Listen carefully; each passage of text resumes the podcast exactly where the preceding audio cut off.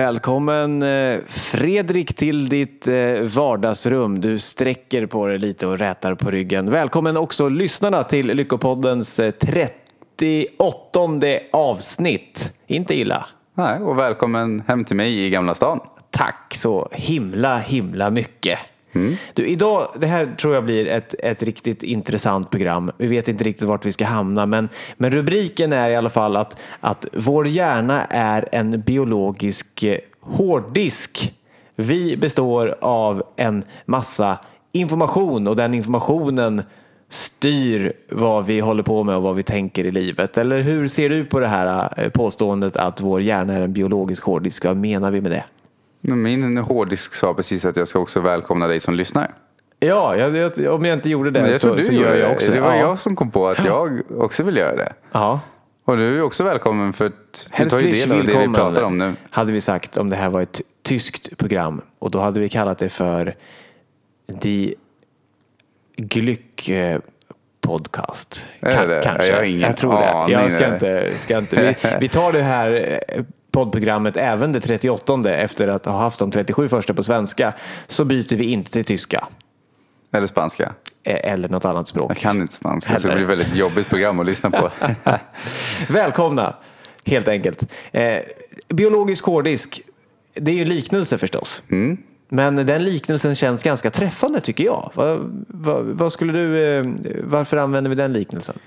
Men jag gillar den liknelsen för att till exempel som jag har gått kurser i NLP visar då heter det NLP står för neurolingvistisk programmering. Det är lätt svårt. Kortfattat är det egentligen hur ord och bilder och saker vi gör påverkar oss och vad vi gör.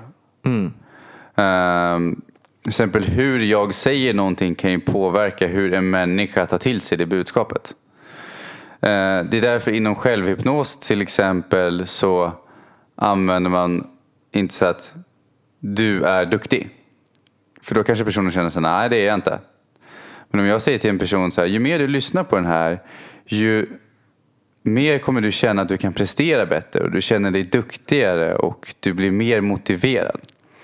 Och då är det svårare för då blir det som en submodal när hjärnan får att om du gör någonting då kommer du bli mer av det här. Men egentligen har du ju inte gjort, du har ju bara legat och lyssnat. Men genom att jag säger om du lyssnar på vad jag säger nu så kommer du mer och mer känna dig att du börjar släppa de saker som står som hinder för dig och du börjar känna dig lyckligare. Ja, det är alltså som, som en teknik för att, att komma in i den här programmeringen och börja ändra på den informationen och öppna sig för ny information. Precis. Ett Men den sätt här- att öppna upp den biologiska hårddisken. Ja, och det här använder jag egentligen stort sett bara på mig själv eller de personer jag jobbar med när vi båda vet om det. Intressant. Alltså, då förstår jag, för ibland har jag lyssnat på sådana här guidade meditationer. Ja. Och De, de är ju upplagda lite så att man säger att eh, eh, du, du kommer snart märka att, att du slappnar av i benen. Du kan känna hur, eh, hur andningen blir, eh, blir tyngre. Du kan känna hur, hur du slappnar av och känner en känsla av, av lugn i kroppen. Lägg märke till, ja, och sådär. Det, det måste ju vara uppbyggt eh, med den eh, typen av eh, tilltal liksom. Ja, men jag tror det. Ja, men när vi pratar om, jag nämnde det som ett exempel och det där var ett exempel på hur vi uttrycker saker kan påverka vårt undermedvetna som i sin tur styr om vi faktiskt blir avslappnade eller börjar känna oss lyckligare. Alla de här grejerna liksom. Men att det går fortfarande att koda om. Precis som en dator så kan du avinstallera och omprogrammera informationen som finns där. Om du vet hur. Ja, Jag ser, jag ser det som att, att vi har en, en biologisk hårddisk precis som, som på en dator. Och så kan vi eh, och har omedvetet, vi pratar ju ofta om det, senast nämnde vi det i förra programmet, att när vi är små så tar vi in saker rakt in. Vi liksom släpper in den informationen som kommer till oss och lägger den och så lagrar den sig på vår hårddisk vare sig den, den är sann liksom, eller vettig eller eh, nyttig för oss för att fungera bra som människor. Så då bara tar vi in den och, och så bygger vi på det och i vuxen ålder sen så, så har vi fyllt vår hårddisk med en, en himla massa grejer. Och precis som om vi hade fyllt en, en dator med saker när vi var små så när vi blir äldre sen så kommer de sakerna som kanske var bra och nödvändiga när, när, när de kom in för, för ett antal år sedan de kan nu vara omoderna. På samma sätt som om du installerade ett, eh, ett dataspel när du var tre år så kommer det förmodligen inte vara så intressant längre när du är 25 för att då är du mogen för en, en högre svårighetsgrad på, på dataspelen. Mm. Eh, och, men då kan det här ligga där och, och ta plats och även eh, störa din förmåga att, att fokusera på det som, som skulle vara viktigt för dig nu i livet för att de här liksom eh, inte riktigt eh, matchar med varandra, det, det nya systemet och det gamla. Så jag brukar använda liknelsen att, att vi, vi bär på en massa erfarenheter och minnen och eh, lärdomar som i en ryggsäck.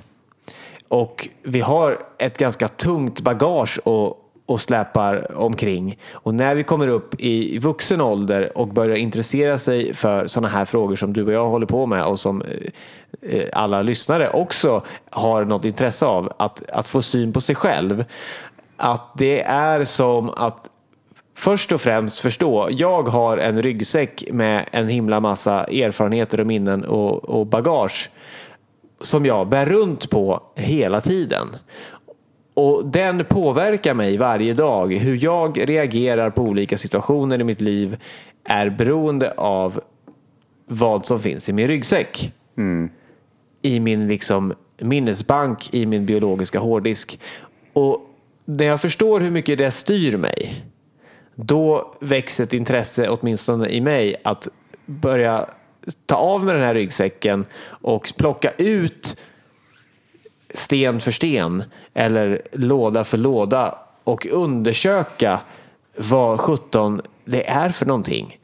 Är det här någon information som fortfarande är till nytta för mig eller är det här någonting som orsakar kortslutning i mitt system? Och det är som en liknelse som funkar för mig i alla fall att beskriva vad hela den här självutvecklings eller som jag hellre säger självavvecklingsresan är för någonting. Mm att det jag kallar liksom min personlighet eh, till mångt och mycket är vad jag har, har lärt mig och hur jag har reagerat på olika saker i mitt liv och sen dragit liksom medvetna eller ofta helt omedvetna lärdomar av. Mm. Så att det är liksom som, som eh, jag säger att så här är jag, jag gillar det här. Det här tycker jag är rätt. Det här, den här politiska inriktningen är, är rätt eh, och sann för mig. Men varför? Mm. Ja, och det beror på vilken information som jag har byggt upp hela mitt system på. Ja, det är där som jag tycker det är intressant att det finns inget rätt eller fel. För vad vi än, så fort vi tror på det så blir det ju sant för oss. Det blir vår verklighet om man säger så. Um, men du undersöka varför och vill jag ha det så? Mm, precis. Ja, men gör som ett exempel. Jag lärde mig gå som liten. Jag förstår att jag förstår varför. Jo, det är för att jag vill på ett lätt sätt kunna ta mig framåt. Så då är det ju inget fel på att jag lärde mig gå som liten. Det vill ju inte jag bli av med om man säger så. Nej, den, det paketet i ryggsäcken låter du, eh, förmågan att gå, det låter du ligga kvar där. Ja. Den har du nytta av fortfarande. Ja. Eh, Medan det finns kanske sak, andra saker som ett, ett tydligaste exempel som jag brukar lära ut när jag har coaching till klienter är så fort du sätter ett tydligt mål om vad du vill och det inte känns bra så tror många att det beror på att det kanske inte var för dem ändå. Men här brukar jag se det som tvärtom. Det första som kommer ske när vi skapar en bild av vad vi vill ha det är att det undermedvetna eller själen kommer liksom bara Gud vad kul att du vill bli, uh, inte vet jag, miljonär och genom att jobba hemifrån som ett exempel. Då. Utan att ha ett vanligt jobb. Så nu ska jag hjälpa dig här genom att jag ska ta upp till ytan allt du behöver sluta tro på, som du just nu tror på, som hindrar dig från att ta emot det och ta in det i ditt liv. Mm. Att man kan använda mål och drömmar som ett sätt att väcka upp så att det kommer upp till ytan de sakerna man behöver ta tag i. Just det, För så, att, så typ jag vill bli pilot om man säger det. Ja. Och, och då kommer det, så här, det vore kul. Men sen kommer det upp en massa, massa argument, tankar som säger varför det kommer bli svårt att bli pilot. Ja. Och att det då är som, som vårt eget inre systems hjälp att få syn på vad som hindrar oss från att bli det. Så att vi kan eh, ta oss förbi det och, och bli det ändå. Att de, de mottankarna som kommer upp egentligen också är till vår hjälp för att vi behöver ta oss förbi dem för att, att lyckas med det vi önskar. och det är därför jag brukar tänka att det är bra att ha mål ibland. Det är egentligen skitsamma hur långt man kommer med målet. Alltså, det är om man vill ha det. Men låt säga att du har ett mål att du vill ha bättre ekonomi. Fokusera då på att, och då kanske första tanken är att jag vet inte, jag det har alltid varit så med min ekonomi. Ja, då är egentligen det det undermedvetna som vill säga så här, kolla här, det här tror du på. Du tror på att det alltid är så här i din ekonomi och det här behöver du sluta tro på för att få en bra ekonomi. Alltså det visar att om en person säger men det har alltid varit så, här, det går inte att ändra. Då är det undermedvetna som säger, kolla här, här har du skapat en identitet av att du är en person med dålig ekonomi. Och det är ett väldigt bra och konkret exempel. För man brukar säga så här, lär dig om dig själv. När vi får syn på oss själva då kan vi förändra oss. Men, men den, den viktiga frågan som är på sin plats då är ju hur gör vi det? Och det här är ett väldigt konkret exempel. att eh, Jo, genom att undersöka vad som dyker upp när du exempelvis bestämmer dig för att jag vill bli miljonär bara uttala det och se vilka motstånd eller vilka tankar som kommer upp. Och de tankarna som kommer upp, så här, det klarar jag aldrig eller då måste jag eh, flytta till ett annat land eller något sånt där. Det är ju ditt bagage. Det är ju att, att öppna ryggsäcken och se vilken information som väcks. Vilken information som du faktiskt har i ryggsäcken som du då kan få ut och titta på och undersöka. Så att hur gör man för att öppna ryggsäcken? Ja, det är egentligen att, att eh, börja lyssna på de här sakerna som den inre rösten som, som eh, inte den inre rösten som i kanske i hjärtats fantastiska vägledning utan mer så här, vad är det som poppar upp? Vad är det som försöker hindra dig? Vad är det som, som skapar eh, obehag och, och kortslutning som, som är lite störande? Det är ju sånt som, som vi behöver titta på för att kunna lägga ur det ur vår ryggsäck. Man skulle kunna säga att det innehållet som vi, som vi mår bra av och som är till nytta i vår ryggsäck, de, det kan vi kalla liksom en liknelse. Det är gröna kulor. Och sen så har vi röda kulor som vi egentligen vill hitta och bli av med. Och de kulorna kan vi få syn på eh, Eh, när vi börjar lyssna på, på saker som, som känns lite jobbiga och störande. Och då kan vi ju ta upp dem. Men om vi, inte, om vi inte sätter oss i situationer eller provar tankar som gör att vi får, då får vi aldrig upp dem till ytan. Då kommer de ligga kvar där och, och tynga ner oss. Eh, jag har till exempel en övning då som det är den light-varianten av övningen är att skriv ner, ta ett A4 på toppen av A4 skriver du rubriken som kan vara jag har perfekt hälsa och väger x antal kilo eller sånt. Och liksom om du har någon målvikt eller sånt. Eller att jag känner att jag älskar min kropp. Jag, jag har ju själv som mål att jag ska kunna hoppa naken framför spegeln fem gånger och känna wow, Ja, shit vad jag älskar allt jag ser. Ehm, men då kan du ha mål kring ja, hälsa, ekonomi, spiritual, vad heter spiritualitet. Uh, oavsett, men välj bara en rubrik per papper då. Och sen så drar du ett streck. måste tala om för, för våra yngre lyssnare vad ett papper är. Snart kommer man behöva det. Okej. Nej, de flesta vet nog. Ja, eller så tar du och ritar på din iPad. Då. ja, en rubrik per papper. du kan ha ett dokument också på datorn. Ja. Ja men i alla fall det du gör är att du delar upp den på mitten. Så att rubriken i toppen, sen delar du upp det på mitten. Så skriver du på ena sidan plus och på andra sidan minus. Och låt säga så här, vi tar pengar som ett exempel då. Eh, låt säga så här att du har en person, de behöver inte ens vilja bli miljonär, men de vill ha bara en bra ekonomi. Och då kan man skriva ner på vänstersidan, vad har du fått höra om människor som har pengar, som har gott ställt? Mm. Och då kanske på plus kommer det dyka upp liksom att de, är, de har möjlighet att ge till välgörenhet eller de är generösa eller liksom att eh, de kan bidra till världen för de har mer än till bara sig själva. Och nu menar inte jag att det går att bidra på olika sätt i världen. På minus kan det vara så att ja, du vet när de kör den här Ferrarin det är, liksom, det är för att de har dålig självkänsla. De behöver den för att kunna förstärka sitt ego. För att egentligen mår de dåligt. Eller pengar är roten till allt ont. Eller det bästa sättet att nå framgång det är att utbilda sig och sen så göra karriär och spara pengarna på ett bankkonto. Och titta på är de här sakerna sant? För det kan vara så, men det behöver inte vara så. Och många gånger så är det de här plus och minus, alltså egentligen vad som hamnar så på plus och minus, det beror ju på hur du känner gentemot det du säger. Mm. Och man kan sätta upp vilken rubrik som helst egentligen, eller hur? Att, så här, jag, eh, jag vill bli miljonär. Ja. Och så ser man plus vad som dyker upp. Alla tankar som dyker upp som skulle kunna vara positiva. Ja, det kan jag. Det blir fantastiskt. Eller så. Skriver man på plus och allt det andra så här. Nej, det kan jag aldrig. Eh, om jag blir det så kommer folk bara eh, sluta vara med mig för den jag är. De kommer bara eh, dras till mig för att jag har pengar. Jag kommer missa mina vänner. Allting som kommer upp, plus och minus. Det blir egentligen ett sätt att eh, få syn på, på sådana tankar som vi har inom oss. Och steg två då att granska dem och säga stämmer det här verkligen? Ja. Undersöka dem.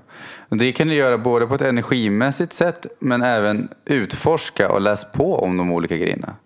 Om det är så att ens lärdom är att det bästa sättet att tjäna pengar är att spara dem på ett bankkonto. Börja läs böcker till exempel från Robert Kiyosaki som går igenom att ja, men det är nollränteläge idag. Och är det så till exempel att matpriser och sånt ökar samtidigt då går det ju back på att ha dem på ett bankkonto. Jag var på en föreläsning med en kille som jag jobbade med förut som heter Darren Weeks. Han brukar alltid fråga publiken på sina föreläsningar för han jobbade mycket med ekonomi. Det var hur många känner ni som har blivit rika genom att spara alla pengarna på bankkontot? Bara gå i, gå i skolan, utbilda sig, göra karriär och spara, spara alla pengarna på bankkontot. Och han berättar av alla år han har jobbat så är det typ alla tusentals personer han har träffat. Är det två som någon gång har hört talas om någon som har lyckats på det sättet? Bara. Du vet ju själv som investerar i aktier att Ja, att spara pengar på bankkontot är inte särskilt, eh, särskilt lönsamt. Men då, då vill jag lägga till det då. Är det så att vi pratar om de här grejerna nu och det dyker upp, åh herre min gud, det där kan jag ingenting om. Men då har du en grej i din ryggsäck där. Om du tror att det där kan inte jag lära mig, det är för stort, det är för svårt, det är för jobbigt, det är för tråkigt, det är för hemskt. Då är det ju en indikation på att du, antingen kan det vara till exempel en identitet eller så är det så att du, om du gräver djupare, har en föreställning av att det är någonting jobbigt eller dåligt att kunna. Eller att du inte är den typen av person. Och då är det ju saker i ryggsäcken som hindrar dig från att ta del av det. Det skulle kunna vara så här en invändning mot, mot aktier att, som jag själv har funderat på. Vill jag spara i, i aktier om jag bidrar till företag som är inne i det kapitalistiska, vi ska tjäna pengar över allt annat. Men, men det går ju att spara i aktier i investera i aktier i bolag som gör ett gott syfte exempelvis. Och då kommer man från så här att, att spara aktier är att bidra till en sämre pengaskrikande värld. Nej, det är inte sant. För det går att använda det till, till någonting positivt också. Och det andra är som många tror att aktier är otryggt. Att det är osäkert och det är ostabilt. Och där kommer vi till, ja, om du inte kan någonting om det. Om man bara blundar och liksom kör. då blir det det. Men det finns ju vissa aktier, till exempel jag har en kompis som är jätteduktig på det. Som visar statistiskt sett över så här många år så har, alltså det, det kanske sjunker idag. Men om du tittar på en, om du investerar just den här aktien på tio års sikt så historiskt sett så har det blivit så här. Då får du 5, 7, 8 procents avkastning. Och sen är vad heter det, historisk avkastning är aldrig en garanti för framtida avkastning. Men det kan ge en indikationer som gör att man åtminstone har möjligheter. Och sen kan man sprida äggen i olika korgar. Och många brukar tänka, eller många många, men jag har träffat på människor som tänker ja, det, det är ah, fastigheter, det är det du ska investera i. Du ska ha många olika fastigheter. Det är det som är sprida äggen i olika korgar. Och då brukar jag tänka att nej, det är det ju inte. Att, för det är de kurser jag har gått på från människor som jag känner som är förmögna. Har jag lärt att, där har jag lärt mig att att sprida äggen i många olika korgar är ju förmågan att kunna lägga en del i aktier, kanske en del i fastigheter, en del i olika projekt. Så att oavsett hur marknaderna går så faller inte allt på ett kort. Nej. Nej, men det, det är så mycket och ofta kring, nu blir, blir det här aktietips istället. Men för att, för att hålla oss tillbaka till, till ämnet att, att allting liksom är en programmering och undersöka vad våra programmeringar är för någonting. Så pengar är ett sånt ämne där vi har väldigt mycket programmeringar. De flesta eh, starka laddningar till det. Ja, eh, det är ju pengar och sexualitet och brott och kriminalitet och sådana saker. Det är liksom det här. Det, det, är både spännande kanske och läskigt på samma gång. Och där finns det mycket luckor kring hur, hur saker egentligen ligger till. Mm. Eh, och där, där är därför är det ofta extra intressant och därför har vi oftast extra mycket röda eh, kulor i vår ryggsäck kring de här områdena. Och det är väl därför jag tycker att, att pengar och sex och eh, inte så mycket kriminalitet och sånt kanske. Eh, tycker, att jag tycker att det är så spännande för att det är där det finns en utvecklingsnivå. För om man vågar lyfta på locket till de ämnena så finns det så mycket och röda eh, kulor att få syn på. Mm. Eh, och, och, det är spännande och en väldig utvecklingspotential och när man eh, kan bli av med, med rädslorna och bli fri från dem och märka att det där var ju bara en föreställning. Mm. Det var bara en föreställning att, att aktier är osäkert och svårt. Eh, om jag bara lärde mig, för mig så läste jag en, en bok som heter Alla svenskar kan bli miljonärer. Och det var typ det enda jag vet om aktier och, och det räckte liksom. Och jag mm. märkte att det var en fördel att inte kunna så mycket om aktier för att då fanns det färre fällor att gå i. Utan lära sig ett enkelt koncept och, och sen, eh, sen köra på det helt enkelt. Det finns sådana undersökningar som visar att eh, man behöver inte hålla på och, och, leta efter den superaktien som ska gå bra utan en, en apa som, som kastar pil på en lista över aktier lyckas lika bra som en professionell rådgivare. Mm. Så där har vi en så här, man måste kunna mycket om aktier för att eh, eh, göra bra affärer i aktier. Det är inte sant. Nej, det räcker med att man kan rätt grundprinciper. Det räcker med att man kan kasta pil. och man kan även fråga någon som kan. Ja. Det gjorde ja. jag. Alltså vi gör som ett exempel som aktieportföljen jag hade. Jag, hade. jag gjorde så med de pengarna att då frågade jag en kompis som är väldigt duktig på aktier. Då. Liksom att, ja, men vad ska jag investera i? Och då, frågade, då hade jag en massa följdfrågor som jag liksom, okej, okay, men beror på hur lång sikt det är, hur snabbt vill du liksom eh, kunna ta ut dem, hur hög risk vill du ta jämfört med hur hög avkastning.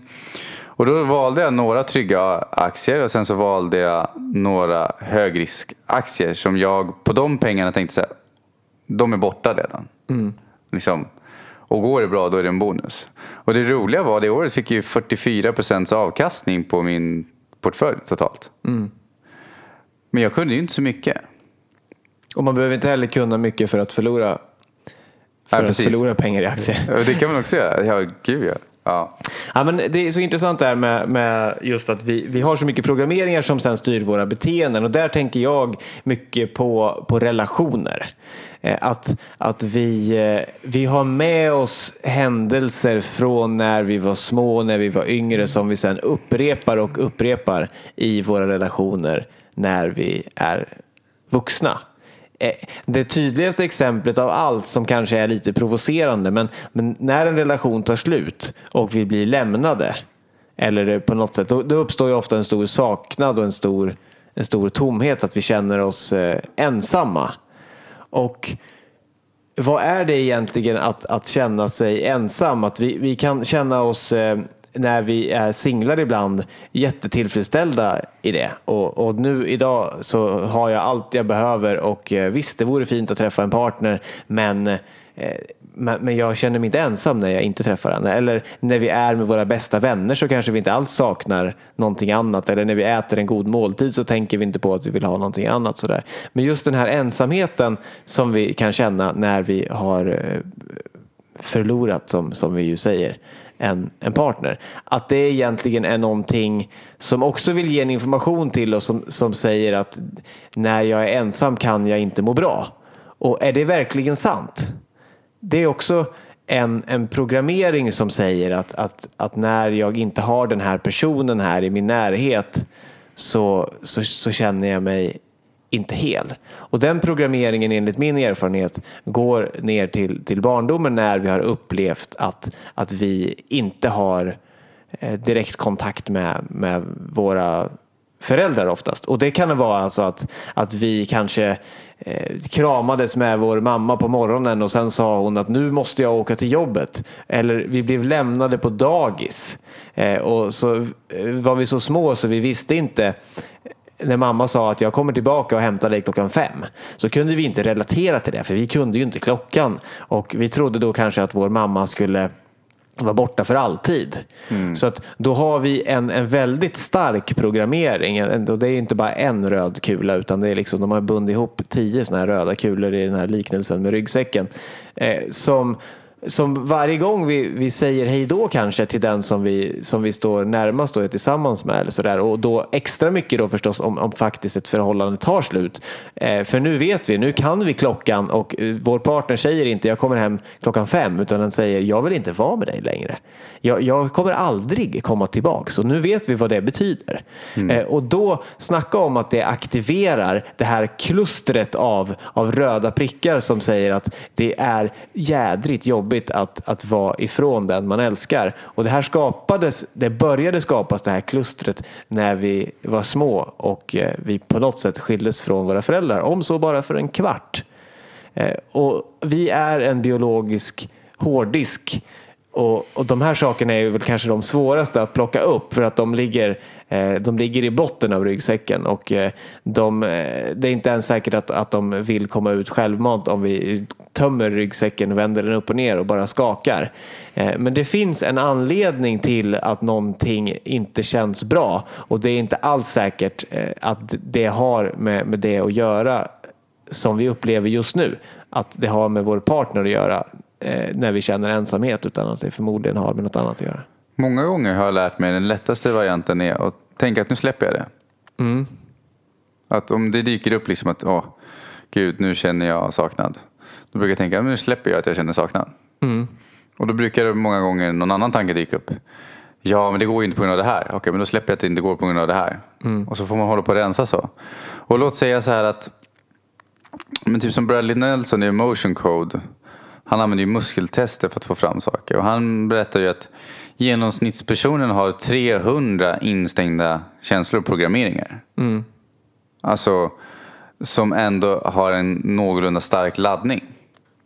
Då måste vi bara på kortast möjliga sätt beskriva vad muskeltester är. Jag vet att vi har pratat om det i ett program. Men om jag Eh, om jag sträcker fram min arm rakt ut så här och så ja. säger jag jag heter Viktor och så försöker du trycka ner min arm med, ja. med kraft. Precis, typ den man brukar klockan. Det, vi gör det nu liksom på handlederna ja. så trycker Fredrik ner min med arm och så fingrar. säger jag jag heter Viktor. Och då, då kan jag hålla emot. Då är jag stark. Men om du säger jag, het, jag heter Olle. Jag heter Olle, som min bror för övrigt heter. Ja, och så försöker jag hålla emot, håller min arm utsträckt och håller emot med samma kraft som förut, men ändå så den här gången så rörde sig min hand neråt. Fredrik lyckades alltså trycka ner min hand och anledningen till att det gick var att jag heter inte Olle. Mm. Eh, jag, när jag heter Viktor då vet min kropp om det, då blir den stark för det är sant. Men när jag säger någonting eh, som inte är sant, alltså jag heter Olle, då, då blir jag svag jag frågar kroppen, hjälp mig och, och lista ut vad som är sant och vad som är falskt eh, genom att vara stark eller svag. Det är vad, det undermedvetna, det är Ja. en fråga till den undermedvetna. Det här låter som hokus pokus. Men då. använder ju det och har använt det i typ hundra år. något Ja, sånt, liksom. och alla ni där hemma som tycker att det här låter askonstigt eller inte riktigt förstod hur vi menar. Prova med en, en eh, kompis, en annan människa och, och sträck ut din arm bara rakt ut, rakt fram. Och, så och, tar sen du- så... Ja, du kan berätta också. Och så tar du tre fingrar. Så att du inte tar hela handen och hänger. Utan du tar tre fingrar och så håller de precis vid, vad, heter, vad kallas den här delen? Där man brukar ha klockan. Under den. Ja, man har en liten knöl där på Man har en liten knöl. handleden. Så, in, så man inte håller på handen för då blir man ju svag. Alltså, utan du håller under knölen mot arm, på armdelen. Då. Ja. Och så säger man jag heter Viktor eller jag heter Olle. Och då vill jag tillägga då för att en... Eller sitt eget namn är bättre. För annars kommer man få nej på båda. Och det viktiga jag vill tillägga då är att det finns en variabel där som för en av 20 så kommer de här testerna inte funka. Och det roliga är, har man bestämt sig för att det absolut inte kommer funka, då kommer det inte göra det heller. Mm, Okej. Det har jag fått lära mig. Hittills så, alla som jag har provat med eh, har det faktiskt eh, funkat på. Ja. Eh, Men, men Men gör, de båda, gör det väldigt, båda som gör eh, det är överens om att det här går inte och så testar de. Ja. Gör det, väldigt, gör det väldigt enkelt att sträcka ut din arm och någon annan försöker trycka ner den eh, och den ena gången säger du vad du heter och den andra gången säger du ett falskt namn och så känner du om det är någon skillnad. Kan du stå emot hårdare när du säger ditt sanna namn än när du försöker ljuga för dig själv? Det, det är muskeltester. Precis. Och de använder vissa för att komma åt det undermedvetna. Om jag säger så här att jag är lycklig. Och då kan du muskeltesta på det. Är du det? Och då kanske du, får starkt men säger så här, jag är 100% lycklig. Ja. Då kanske du blir svag. Och ska vi testa det här live nu? Snacka om att, att om man som lyckopodd-skapare här ska, säger jag är lycklig. Du, jag tror att jag kommer få jag tror jag kommer få att jag är lycklig men om jag säger 100% så kommer jag nog inte det och det vore väl tur det annars vore jag ju färdig med den här livsfrågan. Ja, vi provar då. Ja, Okej, säg, då säger du då. nu sträcker jag alltså ut min hand och Fredrik lägger sina tre fingrar här vid, eh, vid handleden och så säger jag jag är lycklig och så får vi se om jag är det. Ja, och så Ja, säger jag jag- är 100% Jag lycklig. fick, jag fick stark nu på första gången, alltså svarar min kropp med muskeltestet jag är lycklig. Jag är 100% lycklig. Ja, håller du emot? Nej, det var jag inte. Okej, säger, du var ganska stark Det var, fortfarande. det var bra. Jag, tänk, jag höll på att säga att ja, ja, shit, jag är 100% Säg lycklig. 95 då. Jag är 95% lycklig. Håller du emot? Ja, Nej, det, vänta. det är Säg, inte jag, är ni, där. jag är mer än 90%. Jag är mer än 90% lycklig testar vi en tredje gång här. Håller du emot? Ja, men där var det Där, stenhård. där stannar vi då. Så, att, så då testade vi alltså så här. Jag är lycklig. Ja, det, det tyckte vi. Men jag är 100% lycklig. Det var jag inte riktigt stark. Och så, sen sa vi jag är 95%, lycklig. Det var jag inte, kunde jag inte riktigt heller säga ja till. Men när vi sa jag är mer än 90% lycklig. Då sa min kropp ja genom att vara stark. Precis. Det här är jättefascinerande. P- Prova det här hemma för att och lek med det. Men som du, du är mycket mera, du har utforskat det här mycket mer än jag. Du brukar också säga att ibland har jag testat och sen så har jag varit liksom inte tillförlitlig och då har du sagt gå och drick vatten. Du måste ha en bra vattennivå och balans i kroppen för att kunna vara tillförlitlig som instrument. Så att eh, ta, testa inte så här, eh, ska jag skilja mig imorgon? Testa inte jättestora saker och bara lita på dem. För Ja, jag brukar rekommendera vara- att inte ställa utomstående frågor. För det jag har märkt är så här själv. Eh, ibland kan jag leka på det för skojs skull. Liksom att, ja, använd inte det för att du hoppas på att vinna Lotto och satsa bort din ekonomi. Utan använd det för att lära. Alltså det är ungefär som att vi har det här, muskeltesten är som ett redskap för att få reda på saker som du har i ditt undermedvetna om dig själv. Förstår du skillnaden? Ja. Inte att du ska försöka kolla om uh, ditt ex verkligen var otrogen. Alltså det, är, det är inte en sån typ av, eh, vad heter det? Men, men då, det måste jag ju ställa frågan då och det, jag tänker att jag ställer den för lyssnarnas skull. Eh, Skulle det gå att ställa den frågan och få svar? Jag har ju jag har faktiskt utforskat liknande frågor. Det jag har märkt är att de blir väldigt otillförlitliga. Alltså du får ja, nej, ja, ja, nej, nej. Du får ja, nej på samma fråga och ibland så slutar muskeltesten funka helt och hållet. Så jag skulle säga så att det går säkert att utforska. Du kan ställa vissa mer universella frågor. Men många gånger om du gör det liksom utan tillstånd hos andra. Alltså till exempel, jag kan inte stå och testa för att få reda på svar om dig om du inte har gett mig din tillåtelse. Nej. Nej, det här blir för djupt. Vi får ta det i ett eget program i så fall Ja. tror jag. Men googla på muskeltester och sådär. Det, blir, det här är superintressant men det blir för mycket. eh, Jag tog oss in på ett sidospår så nu känner jag ansvaret att, att ta oss eh, därifrån. Men, men vi kan ju bara som du sa här sammanfatta det att anledningen till att vi pratar om muskeltester är för att det är ett sätt att fråga sitt undermedvetna saker. Att vi har mer information inom oss än vad vi egentligen eh, är, är medvetna om. Och det här kan vara ett sätt att få en hjälp att eh, fråga den, den intelligensen och den informationen som vi består av om saker. Sammanfattningen jag använder, använd huvudsakligen det för att få reda på saker om dig själv. Är det så att du har problem med någonting så kan du ställa frågor som hjälper dig få svar. Låt säga att en person som eh, vill ha bättre relationer säger så här att jag, jag är helt färdig med mina tidigare relationer. Ja, så testar du på det så får du ju svaret om det är det eller inte. Och det ger en ledtråd på att du har någonting att utforska mer. Eller så kanske är det att ja, det är du. Men du kanske inte är färdig med något annat som du behöver utforska. Och då får du en ledtråd som hjälper dig vidare i utforskningen. Eller som, det finns en bok som heter The Emotion Code.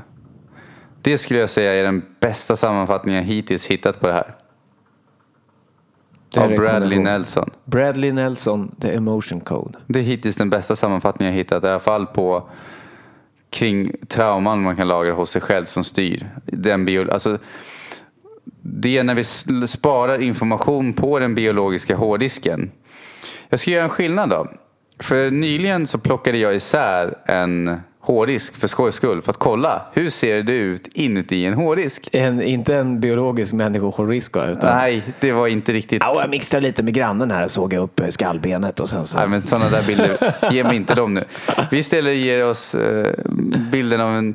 Jag sitter ute på en fin äng. Solen skiner och...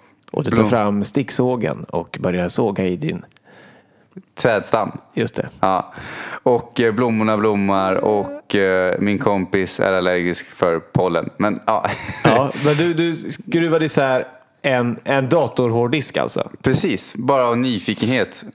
För att min kompis skulle slänga den och då tänkte vi att då vill vi ju inte att någon annan hittar den och kan ta del av informationen som finns på den. Så då skruvar vi isär den och repar liksom skivorna eller förstör innehållet eller knäcker dem. Liksom. Eh, och det roliga och intressant var när vi plockade isär hårddisken så var den uppdelad i tre lager. Och varje, jag ska komma strax till varför jag berättar det här också. Varje lager i sin tur var ju en skiva. Det var inte de här moderna SSD-hårddisken utan det var en skiva som snurrade då, tre lager av skivor. Och det intressanta var, när du kollade på skivan så såg du bara, den var så blank så du såg bara spegelbilden av dig själv. Det var en guldfärgad spegelbild av dig själv som du såg från skivan. Och då stod jag och reflekterade, bara, det är ju spännande. Tänk hur mycket information som finns lagrat på den här hårddisken. Men på grund av att jag inte har kopplat in den i en dator och till en datorskärm så kan inte jag se vad som finns på den. Men däremot kopplar jag in den med en dator med rätt förutsättning med en skärm. Då kan jag se exakt vad som finns på och även rensa vad som finns på den. Och likadant kan man använda muskeltester som ett sätt för, se muskeltester som ett, en skärm som hjälper dig ta reda på vad som finns på din hårddisk. Just det, det var en himla bra liknelse. Att det finns så mycket som är lagrat där på våra, på våra skivor då, bildligt talat, som vi inte eh, har tagit upp till ytan och, och kunnat få syn på. Och det är samma sak då som den här, eh, om vi skriver på, på ett papper bara, jag, eh, jag kommer att bli en utmärkt advokat om man nu vill bli det. Och så får man se vad det är för tankar som dyker upp. Plus och minus. Det är också ett sätt att, att få ta del av vad som finns på de här skivorna. Och det är frågan där som, som eh, blir som en, en, en skärm eller, eh, som gör att vi får tillgång till den informationen. Bland det bästa man kan göra som man använder som sin egen skärm det är att skriva det på papper. eller på datorn. Då skriver du faktiskt på en skärm ju. Ja, just det. Eller så att det syns på en skärm. Ja, ja. För om du, tänker, om du skriver ett påstående och sen tänker du tankar kring det och så skriver du det på ditt tangentbord. Då blir ju faktiskt datorskärmen bokstavligt talat en kontakt med din inre hårddisk. Just det. Ja, och egentligen så funkar vi väl så. Vi är ju som en inre, den här biologiska hårddisken och sen är vi med om saker som väcker minnen. Och minnen är ofta lagrade som bilder. Liksom. Vi kan nästan se framför oss hur, hur, hur någonting som, uppspelades, som utspelade sig för tio år sedan eh, när vi ser tillbaka på det. Och då är det ju som att våra, på något sätt våra sinnen är ju skärmen eh, på datorn. Vi är ju datorer. Det är, det är inte så... ja, det går att dra den där liknelsen hur, hur långt som helst. Mm. Men att vi är en biologisk hårddisk, det är den bästa liknelsen som jag har stött på i alla fall. Det är flera som, som använder den och jag tycker att det blir lätt att förstå. Så kan man använda, eh, kalla det en, eh, likna det vid en ryggsäck eller vad som helst. Men att det är någonting som, det finns information som vi kan plocka upp. På hårddisken kan du också uppdatera programvaran. Det är även bra att, liksom, om du har en gammal dator, det kan ju samlas damm i den. Dammsuga dem. Du kan, kanske batteriet slits ut så du kan byta ut den. Det finns ju massa olika grejer man kan göra för att förstärka runt omkring. Uh, och batteriet i vårat liv kan ju vara, vad är det för mat vi äter? Mm. Hur laddar vi oss själva på det sättet? Så att vi har tillräckligt med ström. För låt säga att du sitter med en dator som alltid varnar för lågt batteri och du sitter skitorolig att det här kommer snart ta slut, snart dör den. Mm. Det är likadant som om vi behandlar oss själva på så sätt att det vi stoppar in oss, det vi laddar oss med oss själva i vardagen. Om vi sover tillräckligt och alla de här grejerna. Det är ju vårat batteri som påverkar. Om vi slipper sitta och oroa oss för att kommer vi orka hela dagen liksom. Mm. Men skulle vi säga då att, att ju färre röda eh, kulor vi har i, i vår, vårt system, desto bättre mår vi? Det skulle jag säga. Jag kan göra en jämförelse då. Låt säga så här att jag brukar ibland hjälpa människor med deras datorer. Jag har ett teknikintresse. Och vissa har jag upptäckt har av en rädsla installerat flera antivirusprogram som en skyddhet för att säkra sig själva eh, mot intrång så att de kan använda den utan att liksom, få virus på datorn eller att det händer någonting jobbigt eller någon tar mm. ens uppgifter. Liksom. Och då, vad folk inte tänker på är att ett antivirusprogram känner av allt annat på datorn. Och så fort det är någonting som inne försöker manipulera eller ändra, då försöker ju den, tror ju den att det är ett virus och då sätter ju den det i karantän. Den försöker slå ut det. Men ett antivirusprogram, ett, om du har två antivirusprogram så beter sig ju båda och håller på och leker på datorn. Då försöker ju de, vissa av de programmen försöker ju slå ut varandra då. Mm. Så det är som att vi, har, vi kan ha, ha olika program som motverkar varandra. Vi tror att vi har dem i syfte att vi hjälper oss själva. Våra försvarsmekanismer då, skulle man kunna säga. Ja, det precis. är som våra antivirusprogram som säger det här har du varit utsatt för en gång och det gjorde ont. Så sätt dig inte in i den situationen. Gå inte fram och prata med den där tjejen eller killen som du vill prata om. För förra gången du gjorde det så kände du dig jättedum. Mm. Eller så blev du dumpad i någon relation eller liksom Ja, eller då som det där exemplet jag sa med att man känner sig ensam. Så, så det, det var jätteläskigt att, att bli lämnad på dagis, säger vi, eh, av våra föräldrar. Och, och därför så, eh, så försöker mitt, mitt känslosystem säga, utsätt dig inte för det igen. Öppna inte hela ditt hjärta för en annan människa, för, för tänk om den människan också lämnar dig. Mm. Precis som det händer på dagis. Ja. Och det låter ju ologiskt, men det är sån information som många gånger styr människor. Ja. Eh, och det är där så att när vi har för många program som inte är kompatibla med varandra. Det är ju det. Då, slår de, då finns det ju en risk att de slår ut varandra. För låt säga att du har en person som exempel säger att jag vill ha ett jobb. Men så har de ett program som säger ja fast på ditt, för, ditt, på ditt förra jobb. Kommer du ihåg hur besviken du blev på chefen och hur du kände liksom att det här, nej, nej vi ska nog låta det styra. Om du inte reder ut och förlåter den tidigare arbetsgivaren så finns det en sannolikhet. Det, det, är inte alltid det sker så, men det finns en sannolikhet att det tar över och styr hur lätt du har att söka ett nytt jobb. Hur svårt du har för att skicka iväg ansökningarna. och sådana saker. Så länge vi inte kan förlåta det tidigare så är det, vi kan även skaffa de här programmen i vuxen ålder. För att ibland så hjälper jag människor med datorer som Alltså jag har, män, jag har människor runt omkring mig, kompisar, som kan inte hantera sina datorer. Alltså de lyckas alltid installera nya, alltså det, fast de har virusprogram lyckas de fortfarande få virus och datorn kraschar eller grejer och alltihopa. Och oftast är det samma personer. Mm. Och då kan jag sitta där liksom att vad är det personen gör som gör att de lyckas få alla de här skräpprogrammen på datorn? Mm. Och då sitter frågar personen, är det något speciellt? Liksom, vilka sidor du är inne på? Alla, jag kan ju se historiken också. Liksom. Och genom att kolla historiken kan jag se och tolka att men du måste läsa alla sidor du är inne på. Alltså, är det? det är någonting du gör som gör att du skapar den här skiten. För då säger mm. han så här, nej men det, det händer hela tiden, jag förstår inte varför. Men då är jag så här, ja men varför händer det hela tiden på dig? Men av alla andra jag umgås med så händer i stort sett aldrig och har nästan aldrig hänt. Men dig händer det precis var och varannat kvartal. Mm. Får du någon ny stor virusattack på datorn. Vad är det du gör liksom? Mm.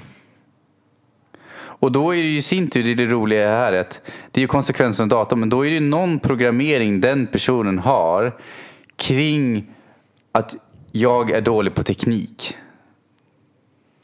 Eller någonting sånt. Eller jag har svårt att förstå avtal så att personen godkänner allt bara som dyker upp på skärmen. Alla knappar som sägs, det har hänt någonting farligt, ja ja ja, så trycker de på det. Då, kan det ha, då har du förmodligen med en bild av hur personen ser sig själv att vara inom teknik eller att avtal eller vad det nu är inne som gör att de, när de får de här grejerna som ska, vill du installera den här programvaran, bara trycker ja utan att tänka efter. Just det, för, att, för det som vi tänker skapas i vår verklighet så att vi får det bekräftat kan man säga.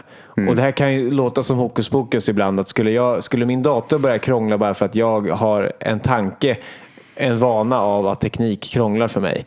Men då kan vi ta mitt egna exempel som jag har berättat om någon gång förut. Eh, att jag, eh, jag gick alltid till frisörer som jag inte var nöjd med ända sedan jag flyttade till Stockholm så hade jag liksom inte gått till en frisör två gånger i rad för jag tyckte antingen att de inte var bra eller så var det för dyrt. Liksom. Men då fick jag syn på det med hjälp av den här enkla övningen att, att bara skriva ner på ett papper. Jag har en föreställning om att, att jag eller jag går alltid till, till frisörer som, som jag blir missnöjd med. Och så skrev jag på ena sidan av pappret och på andra sidan av pappret så skrev jag Jag går alltid till frisörer som jag blir nöjd med. Och, och samma dag det är ju det är fantastiskt det här faktiskt. Det är, det är så enkelt exempel. Samma dag som, som jag gör den här äh, enkla övningen och skriver ner och får syn på, på min röda prick som säger jag hittar bara dåliga frisörer. Och så, så gör jag en ny, eh, så här, uppdaterar eh, min självbild och säger att det där är jag färdig med. Den där röda pricken har skapat nog med bekymmer. Nu så vill jag programmera in istället och skriva över och ersätta den filen med jag hittar bara bra frisörer. Och samma dag så åker jag in och så går jag på ett yogapass i stan och sen tänker jag men nu ska jag passa på att klippa mig. Det är verkligen på tiden att klippa mig. Det var därför jag kom på den här frågan just den dagen också. Och så är jag på väg att ta upp min rabattapp som jag har i telefonen eh, där jag brukar hitta mina frisörer. För jag tänker så här att om, om jag ändå inte vet vilken frisör som är bra då kan jag åtminstone ta en, en som har rabatt. En som är billig. Och sen så hittar jag ett ställe, okej okay, in här, inom 500 meter här inom det här området så finns den här frisören. Eh, jag tar upp kartan och så börjar jag gå dit. På vägen mot den frisören så går jag förbi en, en annan salong eh, som jag tycker ser trevlig ut. Liksom. Och det står någon tjej där inne vid kassan och pratar med sin kollega och säger att ah, det verkar vara ledigt, de ser trevliga ut. Eh, jag ser eh, på priset utanför någonstans, att säga, jag vet inte om det kostar 350 spänn. Ja, men så här, ja, det, är ändå, det är ändå rimligt. Eh, men jag går därifrån. Jag fortsätter att gå efter min app, efter min karta för där är det halva priset och där kommer det kosta mig 200 spänn eller någonting. Eh, så efter en stund så, så stannar jag upp och så bara men vad håller jag på med? Här får jag en bra känsla för att gå in på ett ställe. Men jag är så programmerad att det ska vara billigt och eh, den här gamla vanan så att nu är jag ändå på väg att gå dit. Inte undra på att, att jag inte hittar bra frisörer när jag inte litar på känslan. Liksom. Så att jag bestämmer mig där och då för att gå tillbaka och gå in på den här frisörsalongen som jag gick förbi som jag tyckte såg ljus och fin ut och som jag fick en bra känsla för. Mm. Och så går jag in där, får bra kemi med den här tjejen. Hon klipper mig, och förstår mig direkt hur jag vill att det ska bli och hon klipper mig precis så. Eh, och, och så säger jag det till henne att det är så intressant för att jag gjorde just den här övningen idag som handlade om att jag ändrade min bild från att jag hittar bara dåliga frisörer till att jag bara hittar bra frisörer. Och så går jag hit nu och det blir kanonbra och jag får en bra kemi med dig. Och så sa jag att för, för en vecka sedan då pratade jag med en kompis och sa att man skulle ju känna en frisör eh, och vara kompis med en frisör så att man kunde klippa sig eh, gratis hos den personen. Eh, och så sa jag att jag måste säga att, att det känns som att vi, vi, vi känner varandra nu. Så att jag tror att jag också har hittat en kompis som är frisör. Och, och vi hade pratat om yoga och mindfulness och meditation och sånt där under tiden som jag satt och klippte mig där. Eh, så sa jag att du verkar ju också tycka att, att det som jag är duktig på som är min grej, att det, att det är någonting för dig. Så, så varför inte från och med nu? Vi är kompisar istället. Jag lär dig att meditera och, och du, du, du kan klippa mig ibland om du vill. Liksom. Och sen dess så är vi det. Och så har vi setts ett par gånger och jag, eh, jag träffade faktiskt henne i, igår kväll och hade dessutom eh, igår ingenstans att, att sova när jag är här i Stockholm. Så att jag kunde sova över hos henne och hennes pojkvän där på, på deras soffa. Så att jag har liksom blivit jättenära vän med henne på, på ingen tid alls. Och allting började med att jag gjorde den här lilla övningen där jag fick syn på min röda prick och sen ersatte den med en grön. Är det inte häftigt hur livet funkar ibland alltså? Ja, jag älskar det. Det är, det, och det är så enkelt, det är så, det är så larvig, eller så här, det är ett så simpelt exempel att jag tar frisörer, alltså att jag hittar inte bra frisörer, men ändå en sån liten grej, det gör det så tydligt att, att det faktiskt eh, det funkar på både stort och smått. Men då kan jag ge en övning. Nu ska jag inte göra övning här i podden, men jag kan rekommendera att göra den på andra för att se hur de reagerar. Du kan testa den själv också. Kruxet är när man vet om knepet så den kanske inte lika häpnadsväckande. Men testa den på andra och se hur de reagerar. Det är att du, det, det finns en del av vår hjärna det här för att, som heter som kallas retikulära aktiveringssystemet. Det är det vi ställer in när det börjar hitta saker åt oss. När, Ja, nu vet jag vilken övning det är, den här är kul. Ja. Och det du gör då är att, eller vi kanske kan göra det Experiment kan vi kalla det. nu. Vi gör experimentet nu då. Ja, övning kan låta så tungt ibland, men det är bara en programmering. Övningar är kul. Ja, jag tycker övningar är kul. Så Jag det där också. var din programmering. Ja. Eh, Men vi kör den istället nu då. Ja, Det du gör är egentligen att när jag säger nu, då ska du börja räkna alla gröna föremål runt omkring dig. Och så ska jag, kommer jag räkna till 15 sekunder. Då. Och i slutet av de här 15 sekunderna så kommer jag fråga dig hur många gröna föremål såg du? ja men ska vi prova nu då? Ja, jag Så måste ha att, en så att vi, vi, vi gör den här praktiskt, övningen. Och nu har du ju förklarat så mycket så nu vill jag ju bara börja. Men jag gör inte det. Jag blundar än så länge. Så jag, jag, jag fuskar inte. Okej. Ja, men eh, när jag säger nu, då börjar du räkna, även du som lyssnar, alla gröna Ja föremål. precis, gör, ni lyssnare här, gör den här övningen nu eh, med, med, på den plats som ni befinner er på. Nu kör vi liveövning här då. Ja, Och då kommer jag, jag kommer säga till när 15 sekunder har gått. Så räkna så många gröna föremål som möjligt. Klara, färdiga, nu.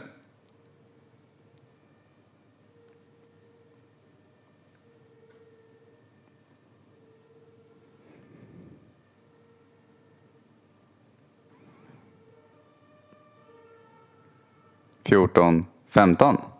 ja. Hur många såg du? Sex föremål. Först tänkte jag säga att du har ju ingenting grönt när jag hade sett din tavla och en kudde. Men sen så hittade jag fler.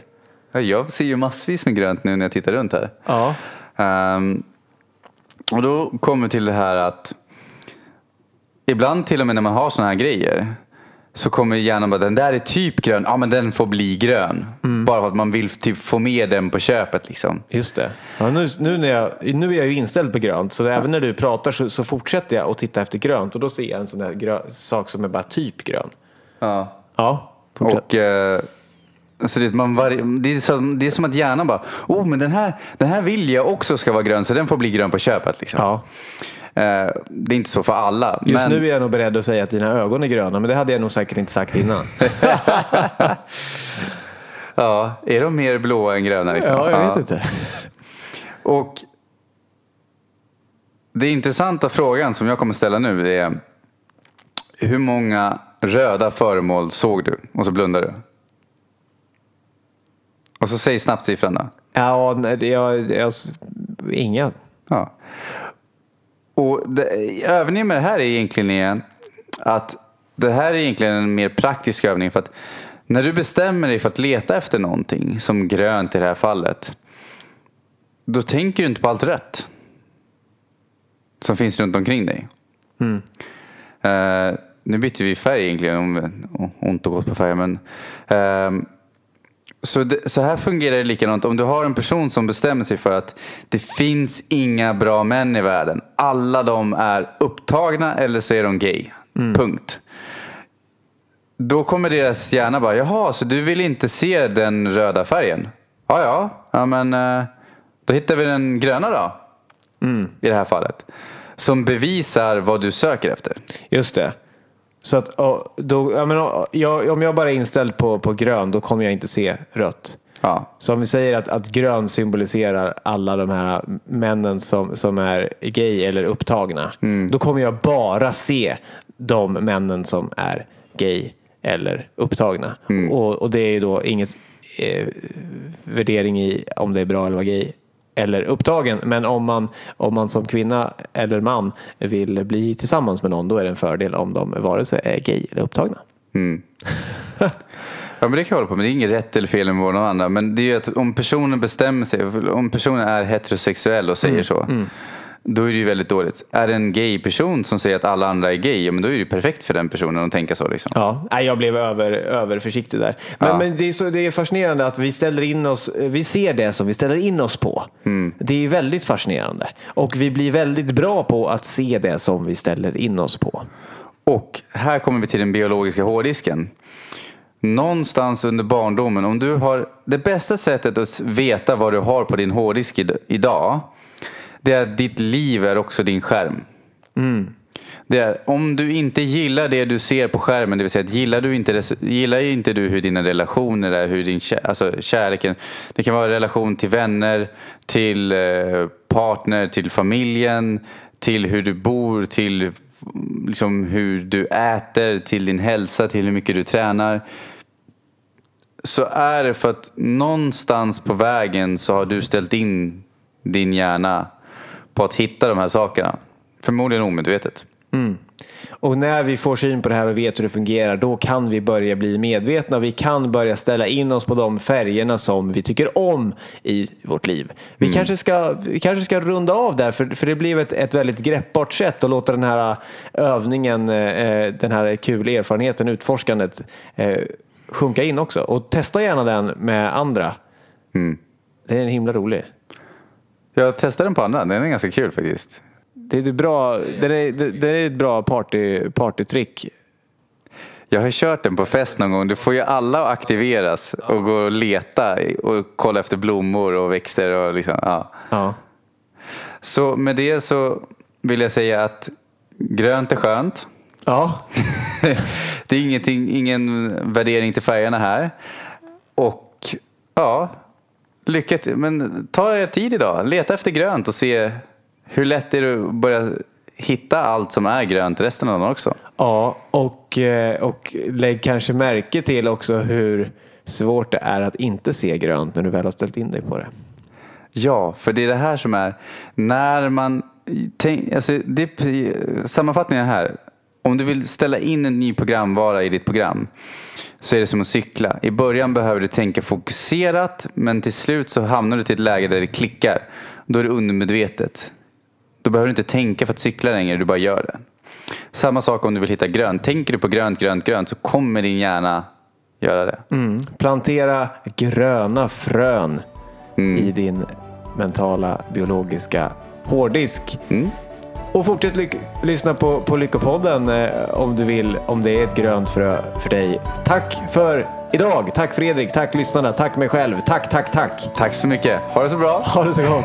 hej då, hej då.